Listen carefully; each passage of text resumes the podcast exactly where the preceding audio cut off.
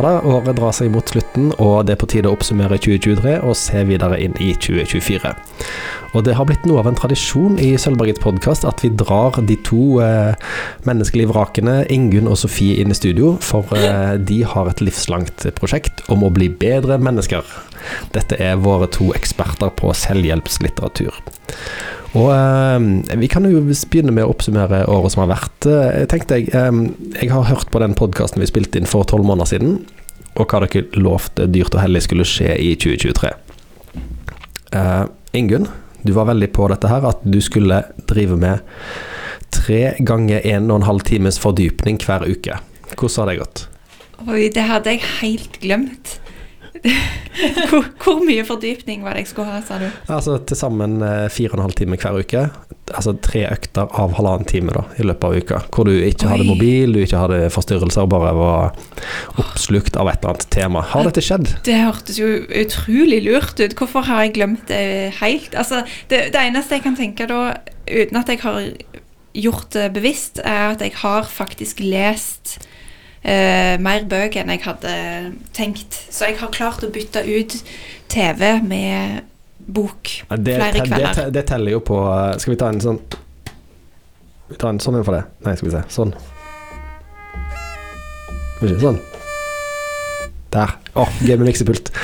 Der fikk du en liten salutt. For det teller jo som fordypning med å lese bok. Ja, og da har jeg faktisk lagt vekk mobilen, fordi det er bare irriterende å måtte sjekke ting eh, Ja. mens man leser.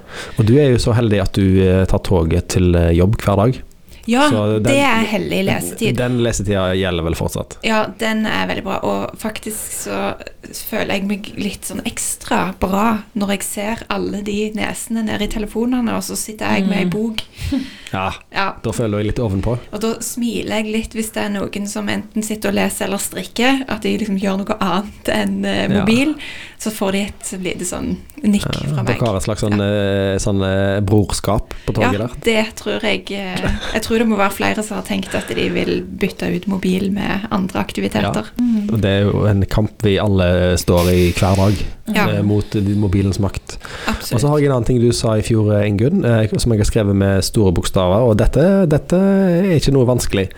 Du skulle kjede deg mer med, med mindre input, altså du skulle ha mye tid hvor du bare satt og, og gjorde ingenting.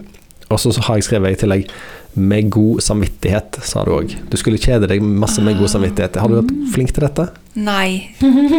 Det er veldig lite tid til kjedsomhet. Ja. Det må jeg si. Men er det så, når det først skjer, da, lar du kjedsomheten eh, få plass? Hvis du kjenner at eh, akkurat dette minuttet her, så er det ingen som vil ha noe av meg? Eh, er du god til å bare la den tida få være hellig? Uh, Der, jeg kjemper med telefonen der. Det er, det er jo det som skjer for de fleste, at litt kjedsomhet, kjedsomhet så er det mobilen man tar Mm. opp. Men det, jeg tror jeg må holde på det målet der for neste år, da. Da, da eh, tar vi en ny sjekk om tolv måneder, at du Ja. har kjeda deg eh, enda mindre enn i år. Eh, Sofie, du hadde en eh, veldig beskjeden ambisjon. Eh, du skulle lese om det å finne flyt. Du skulle, ikke, du skulle ikke nødvendigvis finne flyten, du skulle bare lese om fenomenet flyt. Eh, har dette skjedd? Eh, ja Ja. Jeg, eller Jeg vet hva jeg mente med den ambisjonen. Jeg tror forresten òg at jeg sa at jeg skulle eh, Det der halvannen times eh, prosjektet, så det, kanskje jeg ble inspirert av Ingunn, men det tror jeg jeg sa på nyttårsaften hjemme hos meg sjøl. Jeg kan jo røpe at jeg ikke har gjort det. Eh, når det gjelder å finne flyt, eh, så vet jeg at det var en bestemt bok jeg hadde tenkt å lese. Den heter Flow. Og så er den av en som heter Mikael til fornavn, og så husker jeg ikke helt etternavnet. Um, men jeg har ikke lest den boka. Okay. Men jeg har lest en annen bok som heter Big Magic, og den også handler mye om kreativitet. Eh, og, og på den indirekte òg mye om flyt. Og så, eh, det som er enda bedre, er at jeg har faktisk funnet litt flyt. Og jeg tenker at det må jo faktisk eh, være bedre enn å lese om det, kanskje. Ja, Ja. fin- Finne flyt er kanskje det eh, bøkene skal føre til. Det var vel det som var eh, målet, ja. Så hvis du har klart å gå rett til flyten uten å gå via bøkene, så er jo det en katastrofe for et bibliotek, men det er bra for, bra for deg som person. Men, men i hvilken aktivitet er det du har funnet flyt? Nei, altså, um, Jeg leste jo denne Big Magic i år. Mhm. Og det som var litt rart eh, Den har jeg lest før, så kanskje den har inspirert meg indirekte. Men det som var litt rart, var at det føltes som jeg begynte i motsatt ende. For i år har jeg spilt litt gitar. Det, jeg, det har jeg, gjorde jeg litt når jeg var yngre, og så har jeg hatt en lang pause. Og så hadde jeg noen måneder der jeg spilte litt gitar hver dag, og så har ikke jeg gjort det på en stund nå. Men jeg hadde i alle fall en periode hvor jeg gjorde det litt hver dag.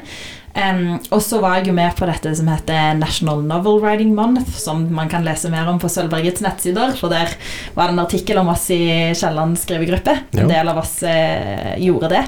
Og da skrev jeg jo 50 000 ord eh, på en måned. Eh, så da har jeg jo funnet ganske mye flyt mens jeg har skrevet. Eh, har skrevet litt mer generelt i hele året òg. Så jeg føler at jeg har vært flinkere til det. Og så har jeg holdt litt på med bullet journaling og da tegnet litt. Og da kan man finne litt flyt. Så Ja. Men det høres jo egentlig ut som dere har eh, fulgt opp ambisjonene ganske bra. Mm. Eh, selv om dere er litt strenge med dere sjøl. Ingrid, du har jo lest mye, og du har uh, kjeda deg eh, kanskje ikke så mye, som du- mye som du hadde trengt, men, eh, men alt i alt jeg, jeg, jeg vil gi dere en god eh, fem minus på eh, mål, måloppnåelsen. Takk skal du ha. Det Ja. var hyggelig. det var en veldig fin start Ja, det, det-. Det er veldig privilegium for meg å bare kunne sjekke hvordan dere har gjort det, mens dere aldri får vite om jeg har kasta vekk året eller hva jeg har gjort. Uh, vi skal over til det dere har lest av selvhjelpslitteratur. Og to- Sofie, nå, nå sier jeg kanskje litt for mye, uh, men du sa jo når vi skulle forberede oss til dette, at du har egentlig ikke lest så enormt mye selvhjelpslitteratur. Og er det fordi at du på en måte er du forbi dette stadiet i livet ditt? Er du i ferd med å finne deg sjøl og, og ikke ha behov for bøkene på dette feltet mer? Altså Det som er litt morsomt, er at jeg er jo en sånn eh, som gjerne eh, Altså, Jeg gjør ting kontinuerlig, men jeg er òg veldig flink til å gjøre det i siste liten. Eh, så når vi snakket sist, så var det jo en hel uke til Selvhjelpspod, og da hadde jo jeg reservert masse selvhjelpsbøker i midten av november, og så kom alle de samtidig forrige uke, omtrent. Eh, Jeg brukte ikke den nyttige funksjonen i Bibliofil der du kan velge når reservasjonene dine kommer, men ja. Så jeg eh, jeg har lest ganske mye, iallfall ganske mange utdrag den siste uken, da. Det Men, gjelder men du høres jo litt ut som en alkoholiker som, bare, som har slutta å drikke, men som bare tar seg en liten slurk i ny og ne. At du egentlig ikke trenger disse bøkene. Men jeg syns jo fortsatt at de er motiverende. Eh, og når det gjelder det med, med om jeg ikke trenger de lenger, så den Big Magic da, som jeg snakket litt om, den føler jeg jo at eh, der er det mye fokus på dette med å leve et kreativt liv. Og det handler ikke nødvendig om at man må bli kunstner, at man, men bare det å faktisk som voksen være villig til å likevel eh, jobbe med hobbyene sine, enten det er isskøyting, som hun bruker som et av eksemplene, eller om det er å spille eh, et par sanger på gitar enn om det ikke lyder så veldig bra. Så jeg følte jo at den på en måte eh, ga meg en eh, en bekreftelse på at jeg gjorde noe bra. Jeg Ja. tror det er ofte det man Ja. er litt på utkikk etter. Ja. Bekreftelse i det man allerede er inne på. Det man allerede gjør. Ja. Og så har jeg lest noen andre bøker som har gitt meg noen ideer til ting jeg kan gjøre. Men det kommer vi kanskje Ja. Men eh, inn på. dra oss gjennom denne Big Magic som du har nevnt et par Mm. ganger allerede. Eh, er den store magien her å ha en hobby? Er det så enkelt? Det er å tillate kreativitet i sitt eget liv. Eh, og det kan jo være forskjellig fra person til person, men ganske mange av oss eh, bruker mye tid på å konsumere, altså se TV, gjøre gjør det vi skal gjøre, gå på jobb. Altså at vi ikke tar så mange aktive valg, kanskje at vi bare Ja, ja. eh, flyter med.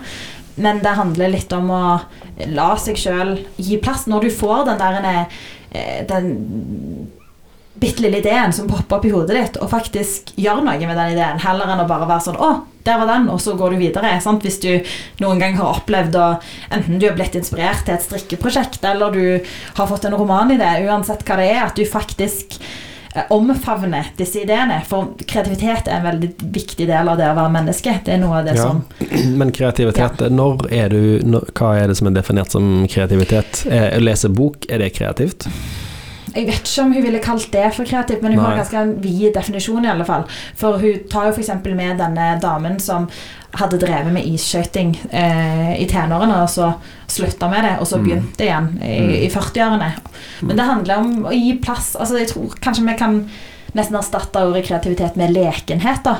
At som voksen så er eh, Kanskje vi ikke alltid tør å gi helt plass til ting som gir oss glede, men som ikke alle andre driver med. på en måte. Å ja, ja, ja. Ja, jeg har begynt i korps i år. Ja, sant. Ja. Det vil jeg si eh, jeg kommer under denne kategorien. Men, men, men eh, hvis vi tar da et eksempel, eh, den norske favorittaktiviteten, å gå på tur.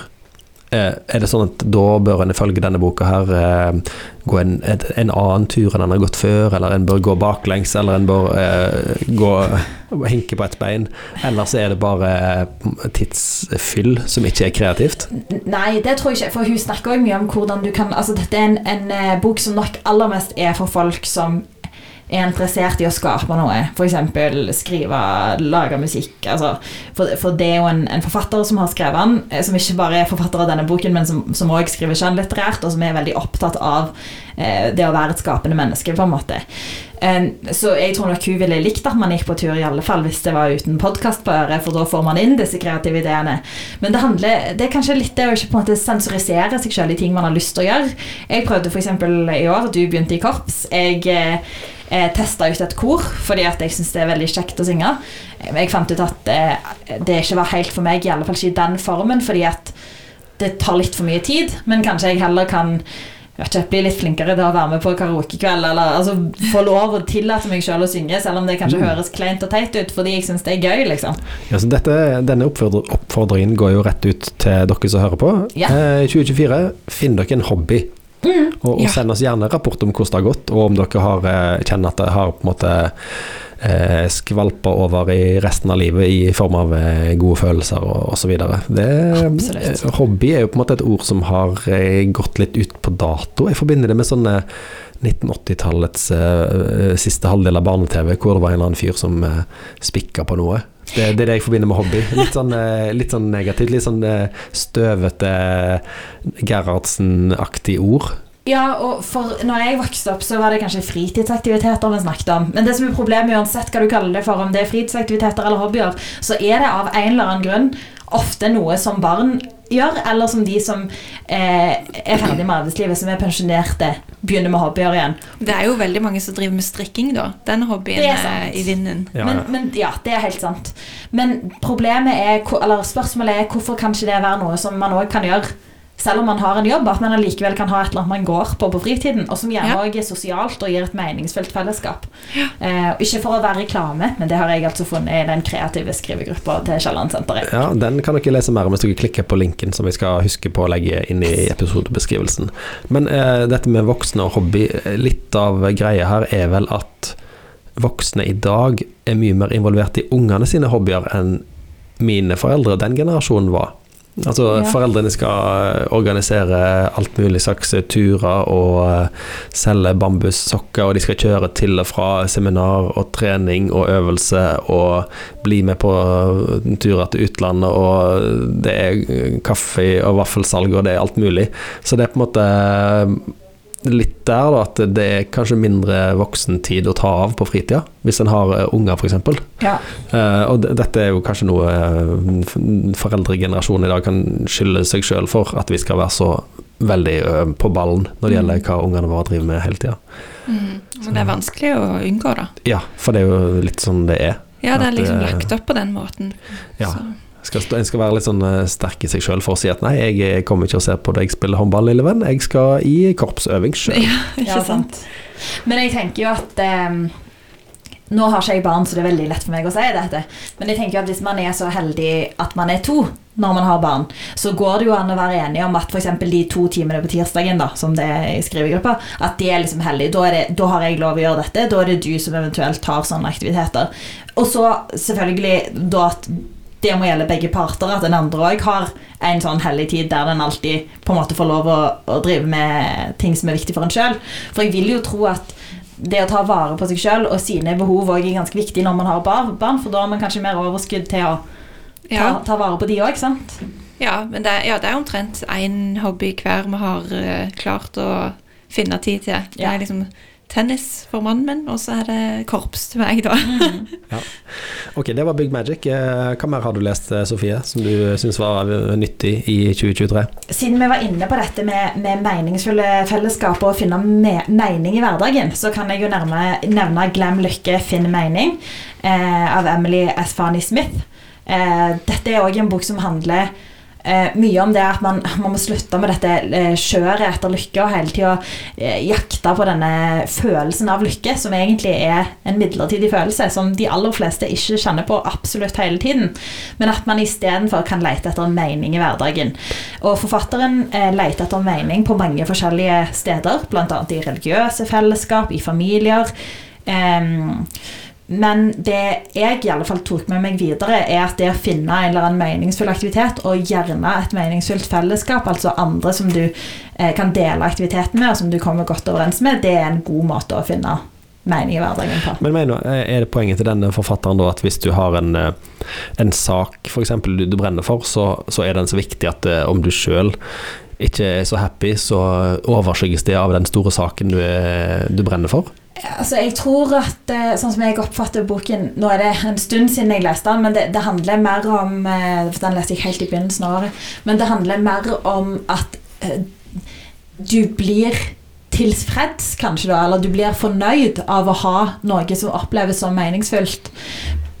Men det som jeg tror vi av og til er litt dårlige på, særlig i selvhjelpslitteraturkulturen, på en måte, er å skille mellom en følelse av tilfredshet og å være fornøyd med hvordan livet er, og dette ordet vi bruker, som er lykke.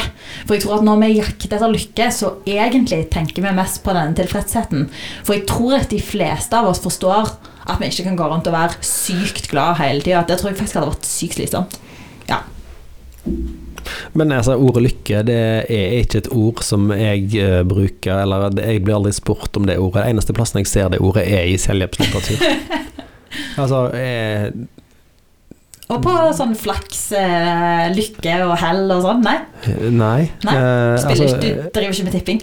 eh, nei, men jeg, jeg, jeg, vant litt på oddsen i forrige uke, men jeg, jeg, ble ikke lykkelig for det. Jeg tenkte at ja, ja, da har jeg en buffer før tapene kommer. Men du hadde én lykke? Altså Du hadde lykke og hell med deg? ikke sant? Jeg hadde flaks, ja, ja det hadde jeg jo. Men, okay. men, men, lykke, altså, er det et ord du forholder deg til, Ingunn? Lykke når du skal bedømme livet ditt, hvor, hvor bra det er?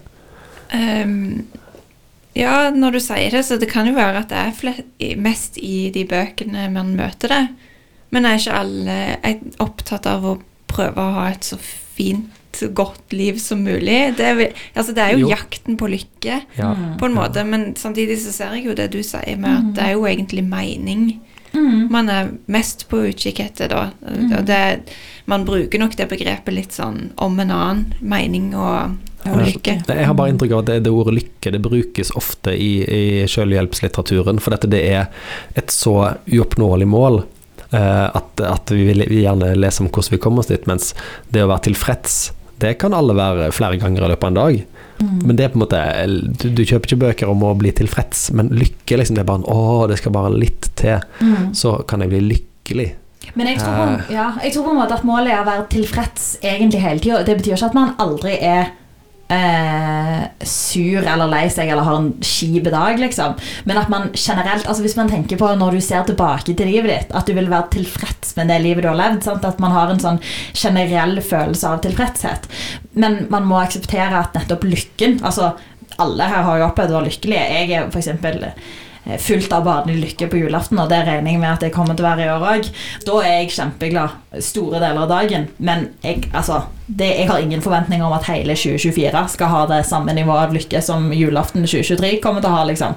Det er det vi må, vi må tenke at lykke er en flyktig følelse som vi kan eh, være takknemlig for når vi har. Ja, nemlig. Det, det, der med å skrive ned ting du er takknemlig for, det kan jo liksom øke den generelle lykkefølelsen. Mm. da, hvis du gjenskaper den gode følelsen i kroppen for det du tenker på akkurat mm -hmm. det som gjør deg lykkelig. Ja, for dette er et råd jeg mener dere har nevnt før. At ja. uh, skrive ned det du er takknemlig for, og så kan du ha det som en slags eh, bufferkonto hvis det går dårlig en dag. Ja. Uh, eller har det, det, har det samme effekten hvis du ser på det to måneder seinere? Du, du, må gjøre det med innlevelse. Det er det jeg har funnet ut. For før så har jeg hatt det i dagboka at du skal skrive hver dag, og så har det bare gjort det automatisk. Sånn ja, ja, jeg er takknemlig for god kaffe, takknemlig for at jeg har fast jobb.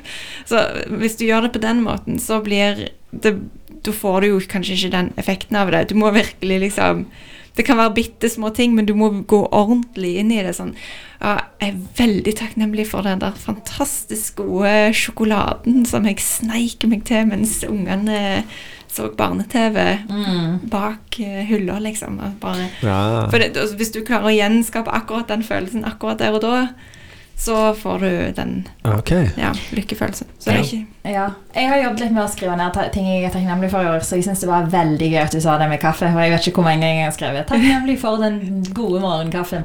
Men jeg, jeg tror at en del av clouet med disse, disse takknemlighetsøvelsene er mer å legge merke til når du faktisk er takknemlig. For jeg tror vi er det ganske mange ganger i løpet av en dag. Eh, egentlig. Alle. Ja. Eh, at vi har små øyeblikk som egentlig er veldig fine. Men Mm. vi har en tendens til å dvele ved det som ikke er så veldig bra, og så ikke ved det som er bra. Men det er jo det som har fått oss som eh, homo sapiens til å ikke springer rundt i skogen og slår hverandre i hodet med kølle. At vi alltid ser for oss forbedringsmuligheter. Mm. Ah, kanskje hvis jeg lager felle for den elgen, så slipper jeg å springe etter den. Og kanskje hvis jeg steiker elgen og så putter krydder på den, så smaker den ekstra godt. Men jeg tenker ikke at det trenger å være en motsetning mellom å ha lyst til å utvikle seg og allikevel sette pris på det man har. Så det jeg tror kanskje kan være en hemmelighet med dette takknemlighetsgreiene, det er å faktisk skrive det ned i det du opplever det. Og ha en, altså Om du har en liten Post-It-lapp eller whatever. Fordi hvis du skriver Altså i det du får den kaffen om morgenen, i alle fall hvis du får den servert og ikke har lagd den sjøl, så er du ganske takknemlig for det øyeblikket. Men når du skal prøve å huske hva du har vært takknemlig for den dagen, og sette deg ned om kvelden, som så så mange sier at du skal gjøre enten om morgenen eller kvelden, så har du ikke den intense og autentiske følelsen. Ja, det er sant. ja. sant. Det er et godt poeng, men det er veldig vanskelig da å Ja. huske på i øyeblikket. Ja. Jeg skulle hatt en sånn um, lykkeskritt-teller nesten, som bare bling, der. Ja. Eh, nå steg endorfinnivået til Ingunn her. Eh, hva skjedde Ja. da? Jo, hun var ute og spiste sjokolade i skapet. Så da er det, er det da identifisert. Videreutvikling av pulsklokka. Det er jo, jeg har jo faktisk fått meg pulsklokka i år. Ja, veldig bra. Det er òg en sånn bølge som er over oss nå, nemlig. Og så en, en annen bølge dere snakket om uh, før vi møttes, det var dette med at kroppen har kommet for fullt inn i selvhjelpsfeltet. Forklar. Ja, du begynte jo egentlig på det en gang. Kanskje du bare tar det videre? Pulsklokka. Ja, det, har vært, det er en veldig populær bok i år. Som, eh, det er faktisk nesten 40 på ventelista. Det er ganske bra til å være en selvhjelpsbok, tenker jeg. De blir stressa og ulykkelige av å stå i kø. Det Ja. kan jeg bare si. Jeg har ikke fått lest den, for jeg står i kø, nemlig. Men Men- tenk så takknemlige de blir når de får boka. Ja. Da må de skrive det ned. Men jeg har, jeg har forfatteren er, eh, av Pulskuren 'Stress riktig, sov bedre, yt mer og lev lenger' av Torkil Færø. Han eh, Jeg hørte han i en podkast, nemlig, så det var min inngang til han. Og så sjekka jeg boka, og så så jeg oi, det er lang venteliste. Så den må jeg sette meg på ventelista. Men han snakket jo mye om det det handler om i podkasten, og det er da det å ta sånn målbare grep eh, for egen helse. Altså investere i en pulsklokke, og så eh, setter jeg noen mål og følger med på kro hvordan kroppen eh, reagerer på stress og trening og mat, og, eh, og så kan du Men bruke du- bruke hvordan skal du følge med på alt dette her? Må du ha denne klokka kobla opp mot et, mot et sånn eh, statistikkprogram som, som loggfører hvordan du har det gjennom døgnet? For en kan ikke springe Ja. rundt og notere ned pulsen hele veien. Nei, nei, nei, du får en sånn oppsummering gjennom dagen når du går inn på en app. Ok. Så da kan du f.eks. se søvnpoeng. Har du, hvor godt har du du gjort dette sjøl? Ja, nå har jeg eh, Jeg har bare hatt den en måned, men eh, det er kjempegøy å se. Det, og det, den treffer ganske rett når det gjelder søvn. Altså hvor Mm. mange ganger opp, hvor mange ganger du våkner i løpet av natta. Dyp søvn. Rem-søvn, lett søvn. Og så sier han sånn Ja, du har, hadde litt, min, litt kort søvn, men dyp søvn, så det er bra. Så skriver, så kan man eh, Ja. Notere seg det. Ja. Mm. Jeg har en pulsklokke. Eh, jeg har ikke brukt den så mye som jeg burde, og jeg kjøpte den mest for jeg syntes det var gøy å kunne telle skritt. Men eh, min hovedreaksjon på denne pulsklokkeboken Jeg har ikke lest den, men jeg klarer ikke å la være å tenke at for meg, da, og jeg tror dette er forskjellig fra, mellom forskjellige personer For noen funker det sikkert kjempebra. Men for meg så føler jeg at jeg hadde blitt stressa av å måtte følge Altså, Hvis jeg hadde fått vite at jeg hadde sovet mindre i natt enn jeg vanligvis gjør, for eksempel, så hadde det gjort meg sånn Å nei, jeg har ikke sovet nok. Og så neste natt hadde det vært sånn Ok, nå må du sove veldig godt, for du sov dårlig i går natt. Og da ligger du sånn Sov, sov, sov. Og da sover du ikke. Så jeg, jeg tror det ikke funker for meg, men, men basert på hvor populær denne boken er, så tipper jeg jo at den funker for ganske mange. Ja, men det, det, akkurat det du sier, er litt av det som kritikken går på. Jeg har lest litt eh, Det var jo en artikkel både i A-magasinet, og så har det vært eh, litt kronikker her og der med både hva som er positivt, og hva som er liksom uh, fella i det, eller hva du kan som kan bli negativt, da. Mm. Og det er jo nettopp det der at det blir et, enda et stressmoment, liksom. At du skal, må prestere på Til og med på søvn, liksom. Så det er ikke noe du egentlig kan styre så veldig godt sjøl. Men, men du er fornøyd? Det høres sånn ut, Ingunn, at du syns dette er kjekt? Ja, foreløpig så tenker jeg ikke Jeg blir ikke stressa av at jeg ikke har gått nok skritt, eller om jeg har sovet dårlig. Jeg, bare, jeg noterer meg med fascinasjon at en klarer å plukke opp hvis du f.eks. har tatt noen glass vin, da. Så har man merkbart dårligere søvn. Ja, det er Så- Ja. Men han klarer ikke å måle gleden ved å, drikke de vinglassene når, det- når det Nei, skjer. nemlig. Og det er det Den er jo jeg ofte stor. sier tilbake til klokka. Har, det tar ikke fra meg den gleden Du skulle bare visst, liksom. Ja. Nydelig. Er det, er det flere bøker som handler om at eh, kroppen eh, liksom henger sammen med hodet? ja, vi har en bok som både meg og Sofie leste, og det er 'Pust ut' Ja. av Kasper Kristoffersen og Fredrik Austad. To veldig unge gutter. Det var derfor jeg ble nysgjerrig på den boka. Jeg lånte til og med den andre han hadde skrevet, han ene, men den rakk jeg ikke å lese. Nei, den har jeg notert meg at var ledig, så jeg skal låne den snart. Mm. Ja. Hva, hva er deres tilnærming til pusting? Og puls og alt der? Vil du fortelle? Ja, det er jo mindfulness. Eh, og det må jo sies, det har jeg sikkert sagt på podkasten før, at jeg er ikke sånn supergod på det. Eh, men så i år så, så leste jeg rett og slett denne boka fordi at jeg eh, Du leste den fordi du så det var to ganske unge. Eh, eller det var en av de tingene du syntes var interessant. Mens jeg tenkte sånn Ok, nå, nå skal du prøve å lese en bok om mindfulness og faktisk prøve å ta noen av rådene. For jeg vet jo at det er bra for meg, men jeg får det ikke helt til. Så jeg eh, likte at den var ganske eh, lettlest. Den var ikke så veldig Det var ikke så mange sider. Det var mye bilder. Og det gjør liksom at den, når det er et tema som jeg kanskje ikke har så god tålmodighet til Jeg skjønner ironien i det.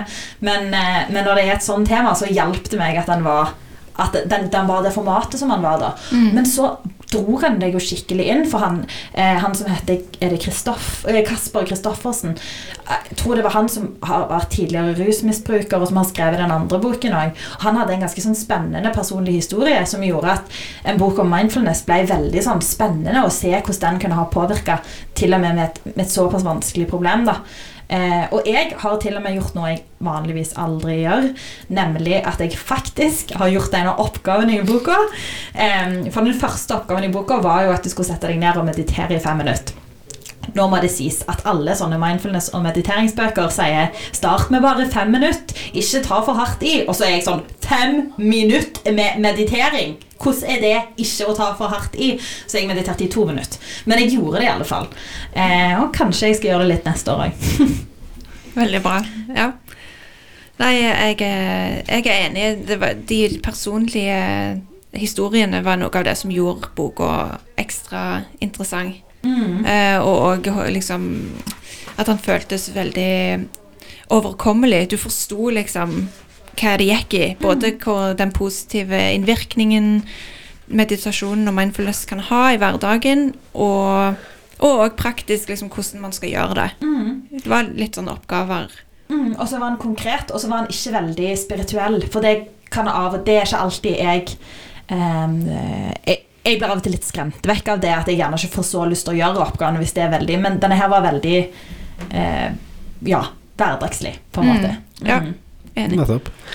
Ja. Eh, er det andre trender dere vil trekke fram innenfor selvhjelp eh, fra 2023, eller andre bøker dere har som syns var spesielt bra? Hvis jeg bare kan si først at jeg har én til bok, eller to til faktisk, i denne kropp- og sinn-trenden. For det, det virker som det er Vi snakket litt om det tidligere, at det er ikke helt nytt. For dette med meditasjon har jo vært mye i vinden tidligere.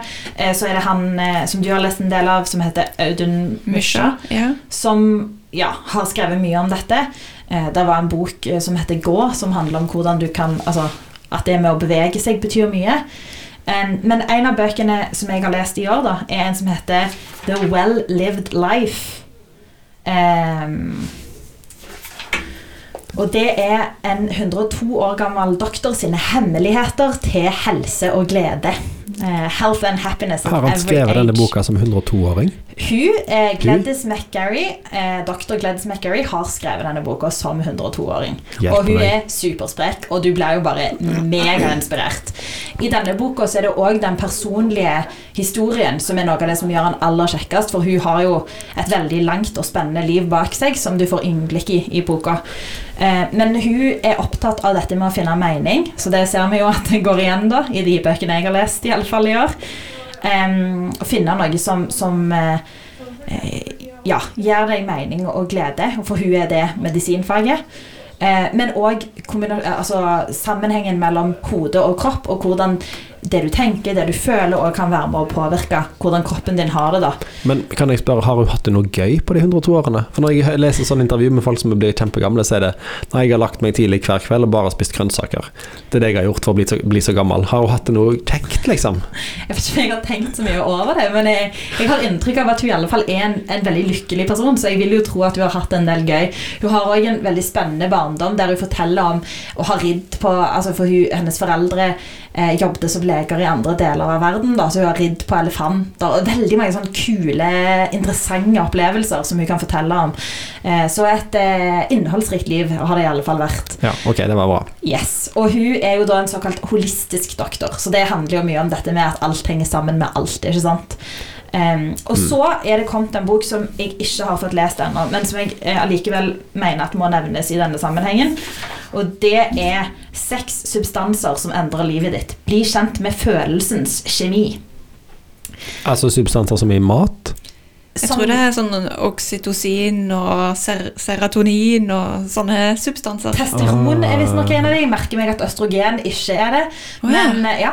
Men, ja, det, og dopamin. Ja. Eh, så det handler om hvordan du kan eh, Sånn som jeg forstår det, nå har jeg som sagt ikke lest den, jeg har fått den, men jeg har ikke fått lest den ennå, så er det dette med hvordan du kan eh, få den kjemiske balansen i kroppen til å stemme, sånn at du finner denne evig eh, ettertrakta lykken. Jeg, jeg tror jeg vet hva det er. Ja. Det å spise mye fisk og grønnsaker. Det kan vi får, eh, vi får oppdatere deg neste år. Og, og, og, nøtter. Jeg tviler på at det står 'gå ofte på pub og spise McDonald's-mat'. Det er bare en rå sjanse. Nei. Men uh, det er jo helt sikkert sånn der at en god klem, da får du akkurat ja. det stoffet i hjernen. En bi, liten bit sjokolade, det får det stoffet. Eh, utløst i kroppen. Mm. Så det trenger ikke bare være liksom, enten er du eh, sunn og kjedelig, eller så har du det kjempegøy å ødelegge kroppen din. Jeg tror nok du Nei, kan Jeg setter det på spissen for dramaturgien ja, sin ja, skyld her, men For så Noe av det, f.eks. å danse, kan sikkert øke noen. Altså, ja. Det er nok ganske mye forskjellig, men uh, det får bli en sånn cliffhanger til neste år, da. Fordi jeg skal, jeg skal få lest denne i romjula. Ja, den ble jeg nysgjerrig på, jeg men, men, dette høres ut som uh, neste nivå av uh, pulsklokke. At du får noe som kan måle stoffsammensetningen i Eh, blodet ditt, eller hva det blir.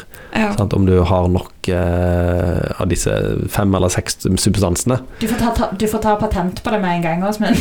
men ja, ja. tjener mange millioner. Så klart. Milliarder. milliarder. Ja, men altså, da kan jeg se Oi, jeg trenger en klem, for uh, dopaminnivået mitt er lavt. Men jeg til, til gjengjeld har jeg uh, veldig høyt nivå av serotonin, så jeg trenger ikke den typen input. Det hadde vært bra. Jeg syns det er veldig gøy med tre absolutt ikke-kjemikere som sitter her og diskuterer en bok vi ikke har lest, og prøver å fabulere.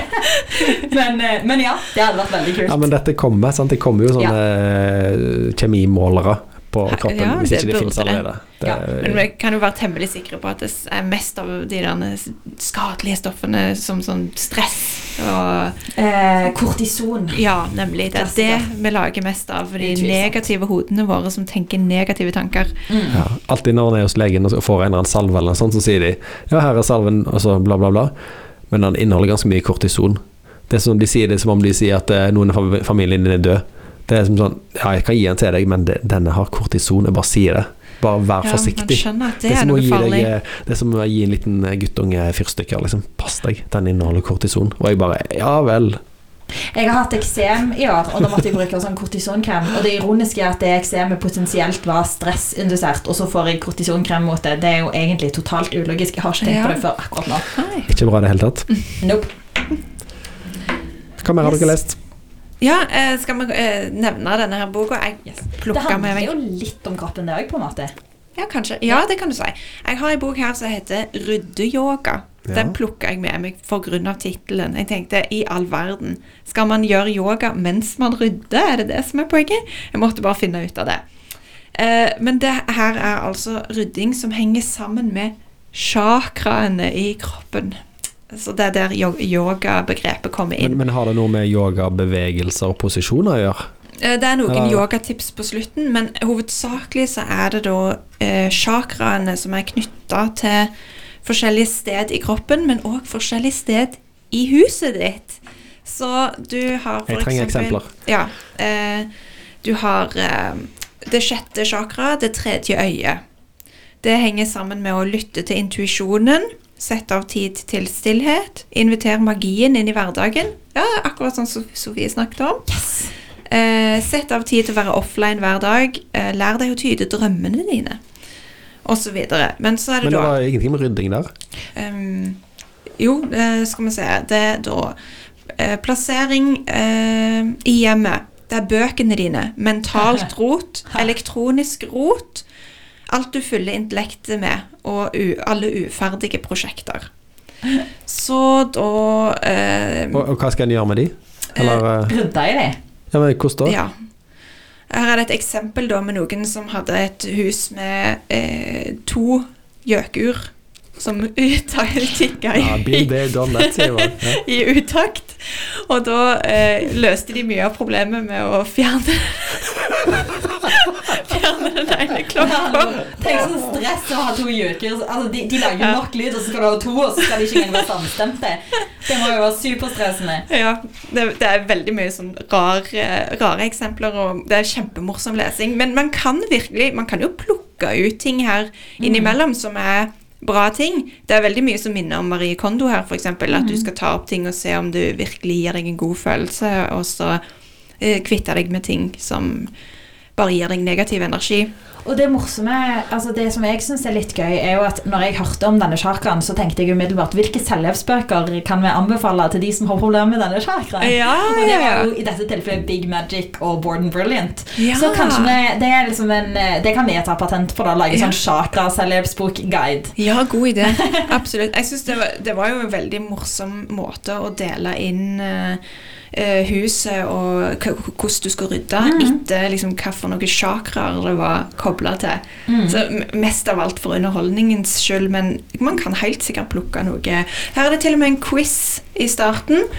Da kan du f.eks. finne ut om du er ubalansert i ditt eh, hjertechakra. Spiser du sunn og næringsrik mat? Hvor ryddig er kjøkkenet ditt? Har du noen du trenger å tilgi? Eh, kan du gi deg selv kjærlighet og omsorg? Og så skal du gi deg selv poeng på disse punktene. Det er jo ikke helt åpenbart at de henger sammen, men siden det er hjertesjakra, så henger disse sammen. Og så ser du liksom, når du har summert alle, da, hva for noen sjakraer som er mest eh, Mangler mest, da. Og, da finner du ut hva rom du skal rydde i? Ja, da bør du begynne der, liksom. Okay. Hva hvis du har problemer med alle chakraene?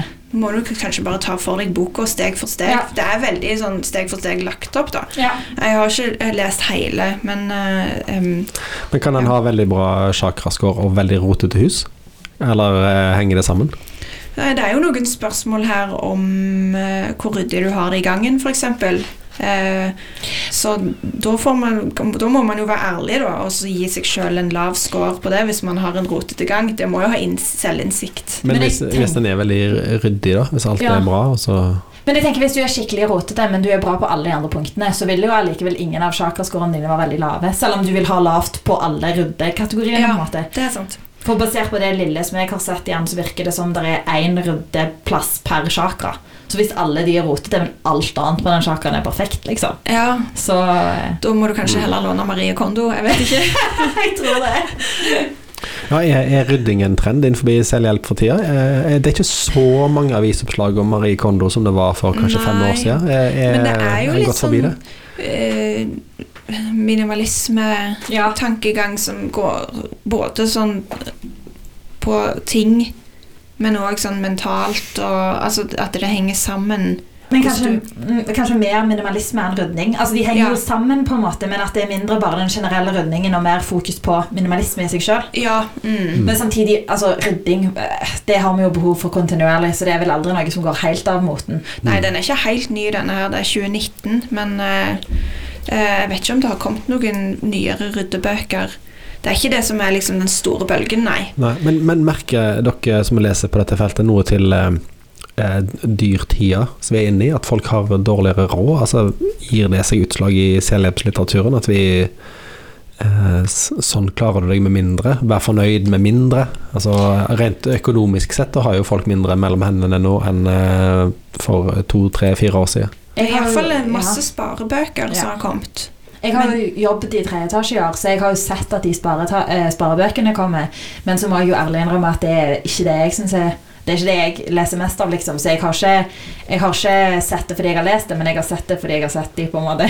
Men jeg skulle de, tro det ble de blir lånt mye. Ja, Det er sikkert derfor du har satt de mye på plass igjen. ikke sant? De kommer jo inn og ut. Men jeg skulle kanskje tro det ble en crossover mellom eh, selvhjelp og økonomi, siden eh, vi må akseptere at vi har mindre penger enn vi hadde før. Og det, det er jo en vanskelig slag. jeg tror ikke det er det som er fokuset. Fokuset er å få pengene dine til å vokse. Ja. Ja, det, altså, det, jeg forstår det, men at jeg skulle tro det kanskje oppsto en slags ny sjanger her, da, som var selvhjelpsbøker eh, for en ny, hardere økonomisk virkelighet. Som ikke Mm. handler om at eh, må sette pengene dine i fond, så vokser de. Ja. Eh, Men noe mer sånn eh, For det syns jeg ofte mangler i, i Luksusfellen, f.eks. at det psykologiske aspektet. At Mm. Grunnen til at folk havner i Luksusfellen, er jo gjerne at de har eh, syns sjøl at de skal ha et liv som er, er, er dyrere enn det de har råd til. Ja. Ja, og de bøkene syns jeg kanskje mangler, da. Det er helt sant. Noen må sant. skrive de bøkene. Ja. Enig. Det, den der som jeg leste for noen år siden, som heter 'Jeg lemner ekorrhjulet', ja, ja. den Mm. er jo veldig i det. Det med å klare seg med mindre. For der er de som finner ut at eh, hun vil ikke jobbe så mye som samfunnet legger opp til at vi skal jobbe. Hun får heller klare seg med mindre. Så begynner hun Mm. også å spare, finne ut hva alt koster, hva hun kan heller lage sjøl. dyrke ting i Men altså, hun bakhagen. gjør seg jo selv en ny fulltidsjobb. Ja, du, du må være si. interessert Du må virkelig være interessert i å dyrke, dyrke i hagen og eh, Sy egne klær. Sy egne klær og, og det der, den der evige 'hva er på salg' altså det, Ja. Hun bruker enormt mye energi på Men hvis du liker sånne ting, så kan det jo funke. Du kan spare masse Mm. penger på det, men du må, du må være interessert. Eh, jeg tror at det er litt motstridende, eh, det med å spare og det med selvhjelp, egentlig. Fordi at eh, mye selvhjelp kommer jo fra sånn coachingmiljø og sånn, og der er det mye fokus på jeg vet ikke, manifestere altså, og, og tenke at man har, at man, man har råd fordi man trenger å ta seg råd fordi man ønsker seg det livet man ønsker seg. ikke sant? Dette med eh, spare Logikken, spare, altså den måten å tenke på som er på en måte sparsommelig, den, den er på en måte en kontrast til veldig mye selvhjelpslitteratur. Ikke til minimalismen, men til i alle fall mye av dette amerikanske eh, positiv psykologi. Man skal liksom man skal være villig til å bruke penger fordi de pengene kommer til å vokse fordi man skal satse. ikke sant? Og dermed så tror jeg at eh, Ja, det er kanskje litt eh, Det er kanskje eh, det, det, måtte blitt en ny sjanger, liksom. Det kunne ikke vært en del av selvhjelpslitteraturen, nesten, for det blir så motstridende. Mm, mm. Og så har jeg jo skjønt at eh, dette med um, linken over i em, psykiatri, nesten, altså psykiske problemer òg, at det er en crossover også, som begynner å blande seg inn i selvhjelp. Eh, Selvhjelp kan jo fort tenkes på som veldig sånn uh, halleluja-litteratur, at du bare tro på deg sjøl og kvitter deg med de dårlige følelsene dine, så får du det topp. Men, Mm. men uh, spesielt du, Sofie, har vært opptatt av det, at, at den andre sida med nærmere psykiatrien er på vei inn i selvhjelpslitteraturen. Ja, det er en bok som jeg tror ingen Jeg lurer på om du har lest den. Eh, jeg har begynt på den. Som heter 'Why Has no one told, Nobody Told Me This Before'. Ja. Eh, som, som er en psykolog som skriver, og den handler mye om det. Eh, så har det kommet en bok som heter 'Robust'. Som òg handler om dette med å akseptere seg sjøl for den man er. Og jeg har ikke fått sett så grundig på den, for den det har vært lang venteliste på, så jeg har akkurat fått den. Men den er i alle fall òg på den lista. Eh, og så har jeg lest en bok i år som heter The High Five Habit. Og det, Vi snakket jo litt om affirmasjoner tidligere i dag. Eh, denne her heter High Five Habit Take Control of Your Life with One Simple Habit. Og det er Mel Robbins som har skrevet den. Den er riktignok ikke fra i år, den er fra 2021. Men eh, dette er en ny form for affirmasjon. da Så i stedet for å si 'du er god nok' eller 'du er fin nok', eller sånn, så skal du rett og slett gi deg sjøl en high five i speilet.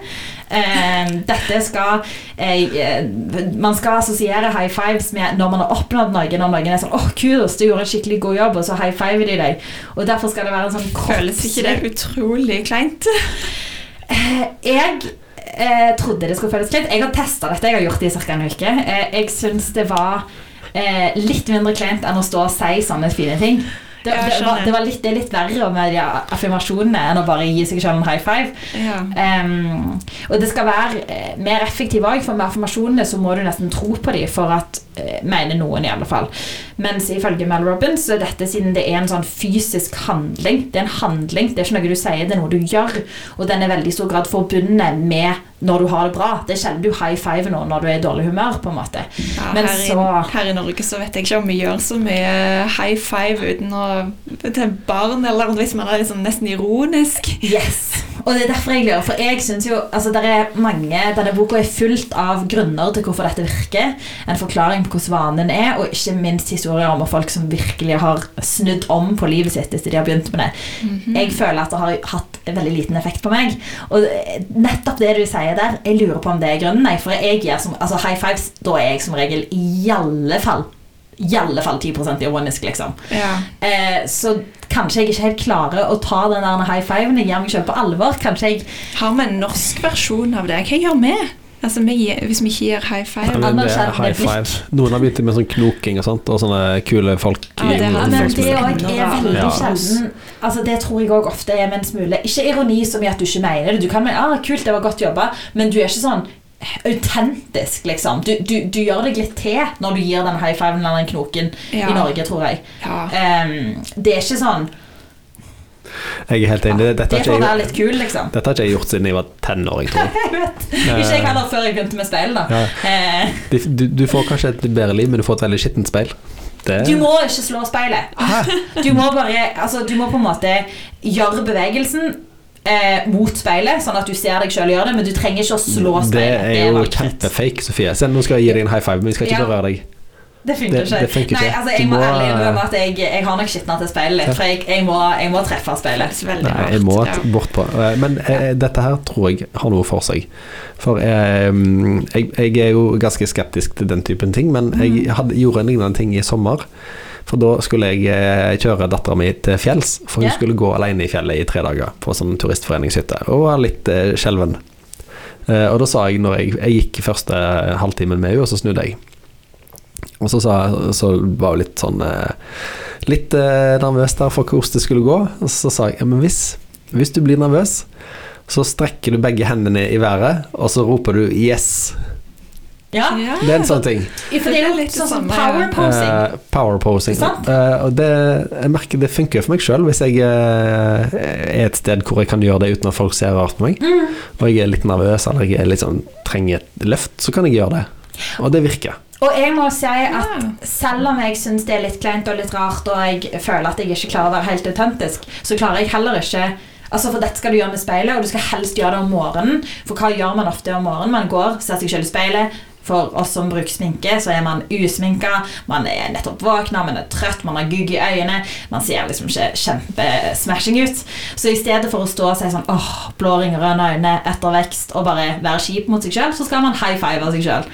Ja. så det er jo på en måte en motstemme til den der negative stemmen. Ja, Og- det som kommer automatisk. Yes. Og det som er, er at jeg, merker at jeg kommer til å smile mer når jeg ser meg selv i speilet. Fordi at du kan, ikke, du kan ikke gi high five uten å smile. Enten det er et ironisk smil eller et autentisk smil, så smiler du. sant? Ja, så kanskje det har noe for seg. Ja. Eh, men jeg, eh, jeg har jo òg ofte merka at hvis man hører på en skikkelig For det var, Jeg nevnte det for deg tidligere i dag, Ingunn, at den der, når man gir high five, det blir litt sånn som hvis du hører på Shake It Off av Taylor Swift, eller en sånn skikkelig feel good-sang som du blir glad av, så klarer du liksom ikke å sitte og surmule imens.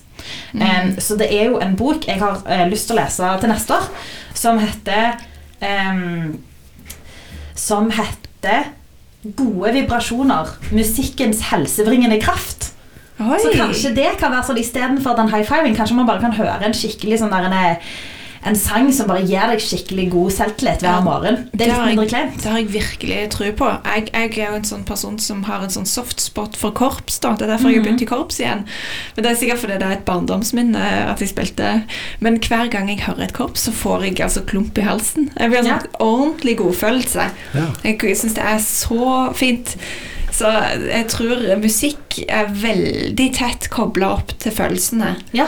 Uh, Og der kan du liksom påvirke hva vei du vil, da. Men så er det jo sånn hvis man er deppa, så vil man jo høre på trist musikk. Det er det er jo, da, blir det jo litt sånn rart å sette på Taylor Swift. Men det er kanskje det du må prøve å gjøre hvis du er i dårlig humør. Så må du, altså, du må prøve å snu det, da. Ja. Um, og jeg, um, jeg har merka dette med musikken, for jeg har jo sagt at jeg har spilt litt gitar i år. Ikke noe særlig flink, eh, men jeg kan liksom noen grep, i alle fall. Har sikkert glemt alle allerede. Men grunnen til at jeg begynte med det i år, var rett og slett Og dette er trist, men jeg mista min bestemor i år. Eh, det var veldig vanskelig. Men hun var tydelig på hva hun ønska seg i begravelsen sin, for hun var ganske sånn klar. Og en av tingene hun ønska seg, var at meg og mine søskenbarn skulle spille og synge en sang som vi spilte og sang i bestefars begravelse. Og når vi hadde vært gjennom eh, tapet av hun, som kom ganske sånn plutselig og var vondt å forholde seg til, så var det så utrolig oppløftende og beroligende å sitte sammen med de andre søskenbarna og spille musikk og øve. Eh, så det gjorde at jeg tenkte sånn Når dette til og med kan gjøre deg så glad i en så vanskelig situasjon, Ja. så må du gjøre mer av det. Så jeg har stor tro på musikkens helsebringende kraft. Ja, og, og du skal drive mer med musikk i 2024. Ja. Ingunn, hva skal du gjøre? Du er jo allerede i gang med en korps. Har du, er, Ja. du, er du i mål når det gjelder egenutvikling? Eh, Nei, jeg har et håp om å ta opp eh, tegning igjen, for det har drev jeg med før. Eh, men jeg har, jeg, jeg har bare lest eh, fire selvhjelpsbøker i år, og jeg syns egentlig Eller fire, jeg har lest ryddebok òg, fem, da. Men eh, jeg, jeg tror ikke jeg kommer til å ha så mange sånne bøker på lista. Jeg tror jeg skal ha mer fokus på å skrive ned hva jeg tenker sjøl, og så liksom tenke mine egne løsninger, hvis du skjønner, ikke lese andre sine løsninger. Sier du at det dette er siste året du er med i denne podkasten, eller er vi tilbake her om neste år og du Ja, har lest det, altså, man blir jo eh, frista når man ser boktitlene, når man er bibliotekar og så ser alle bøkene Mm. hele veien. Det blir noen. ja, jeg, kan, jeg kan ikke unngå å lese noen, altså. Mm. Nei, hvis, det, hvis vi ikke høres igjen om et år, så vet vi at eh, Ingunn og Sofie er helt eh, i vater, er ferdig, ferdig forma som mennesker og eh, ikke har mer forbedringspotensial, rett og slett. Så uh, tida vil vise hva som skjer. Ja. Ja. Lykke til, Sofie. ja, lykke til, Ingunn.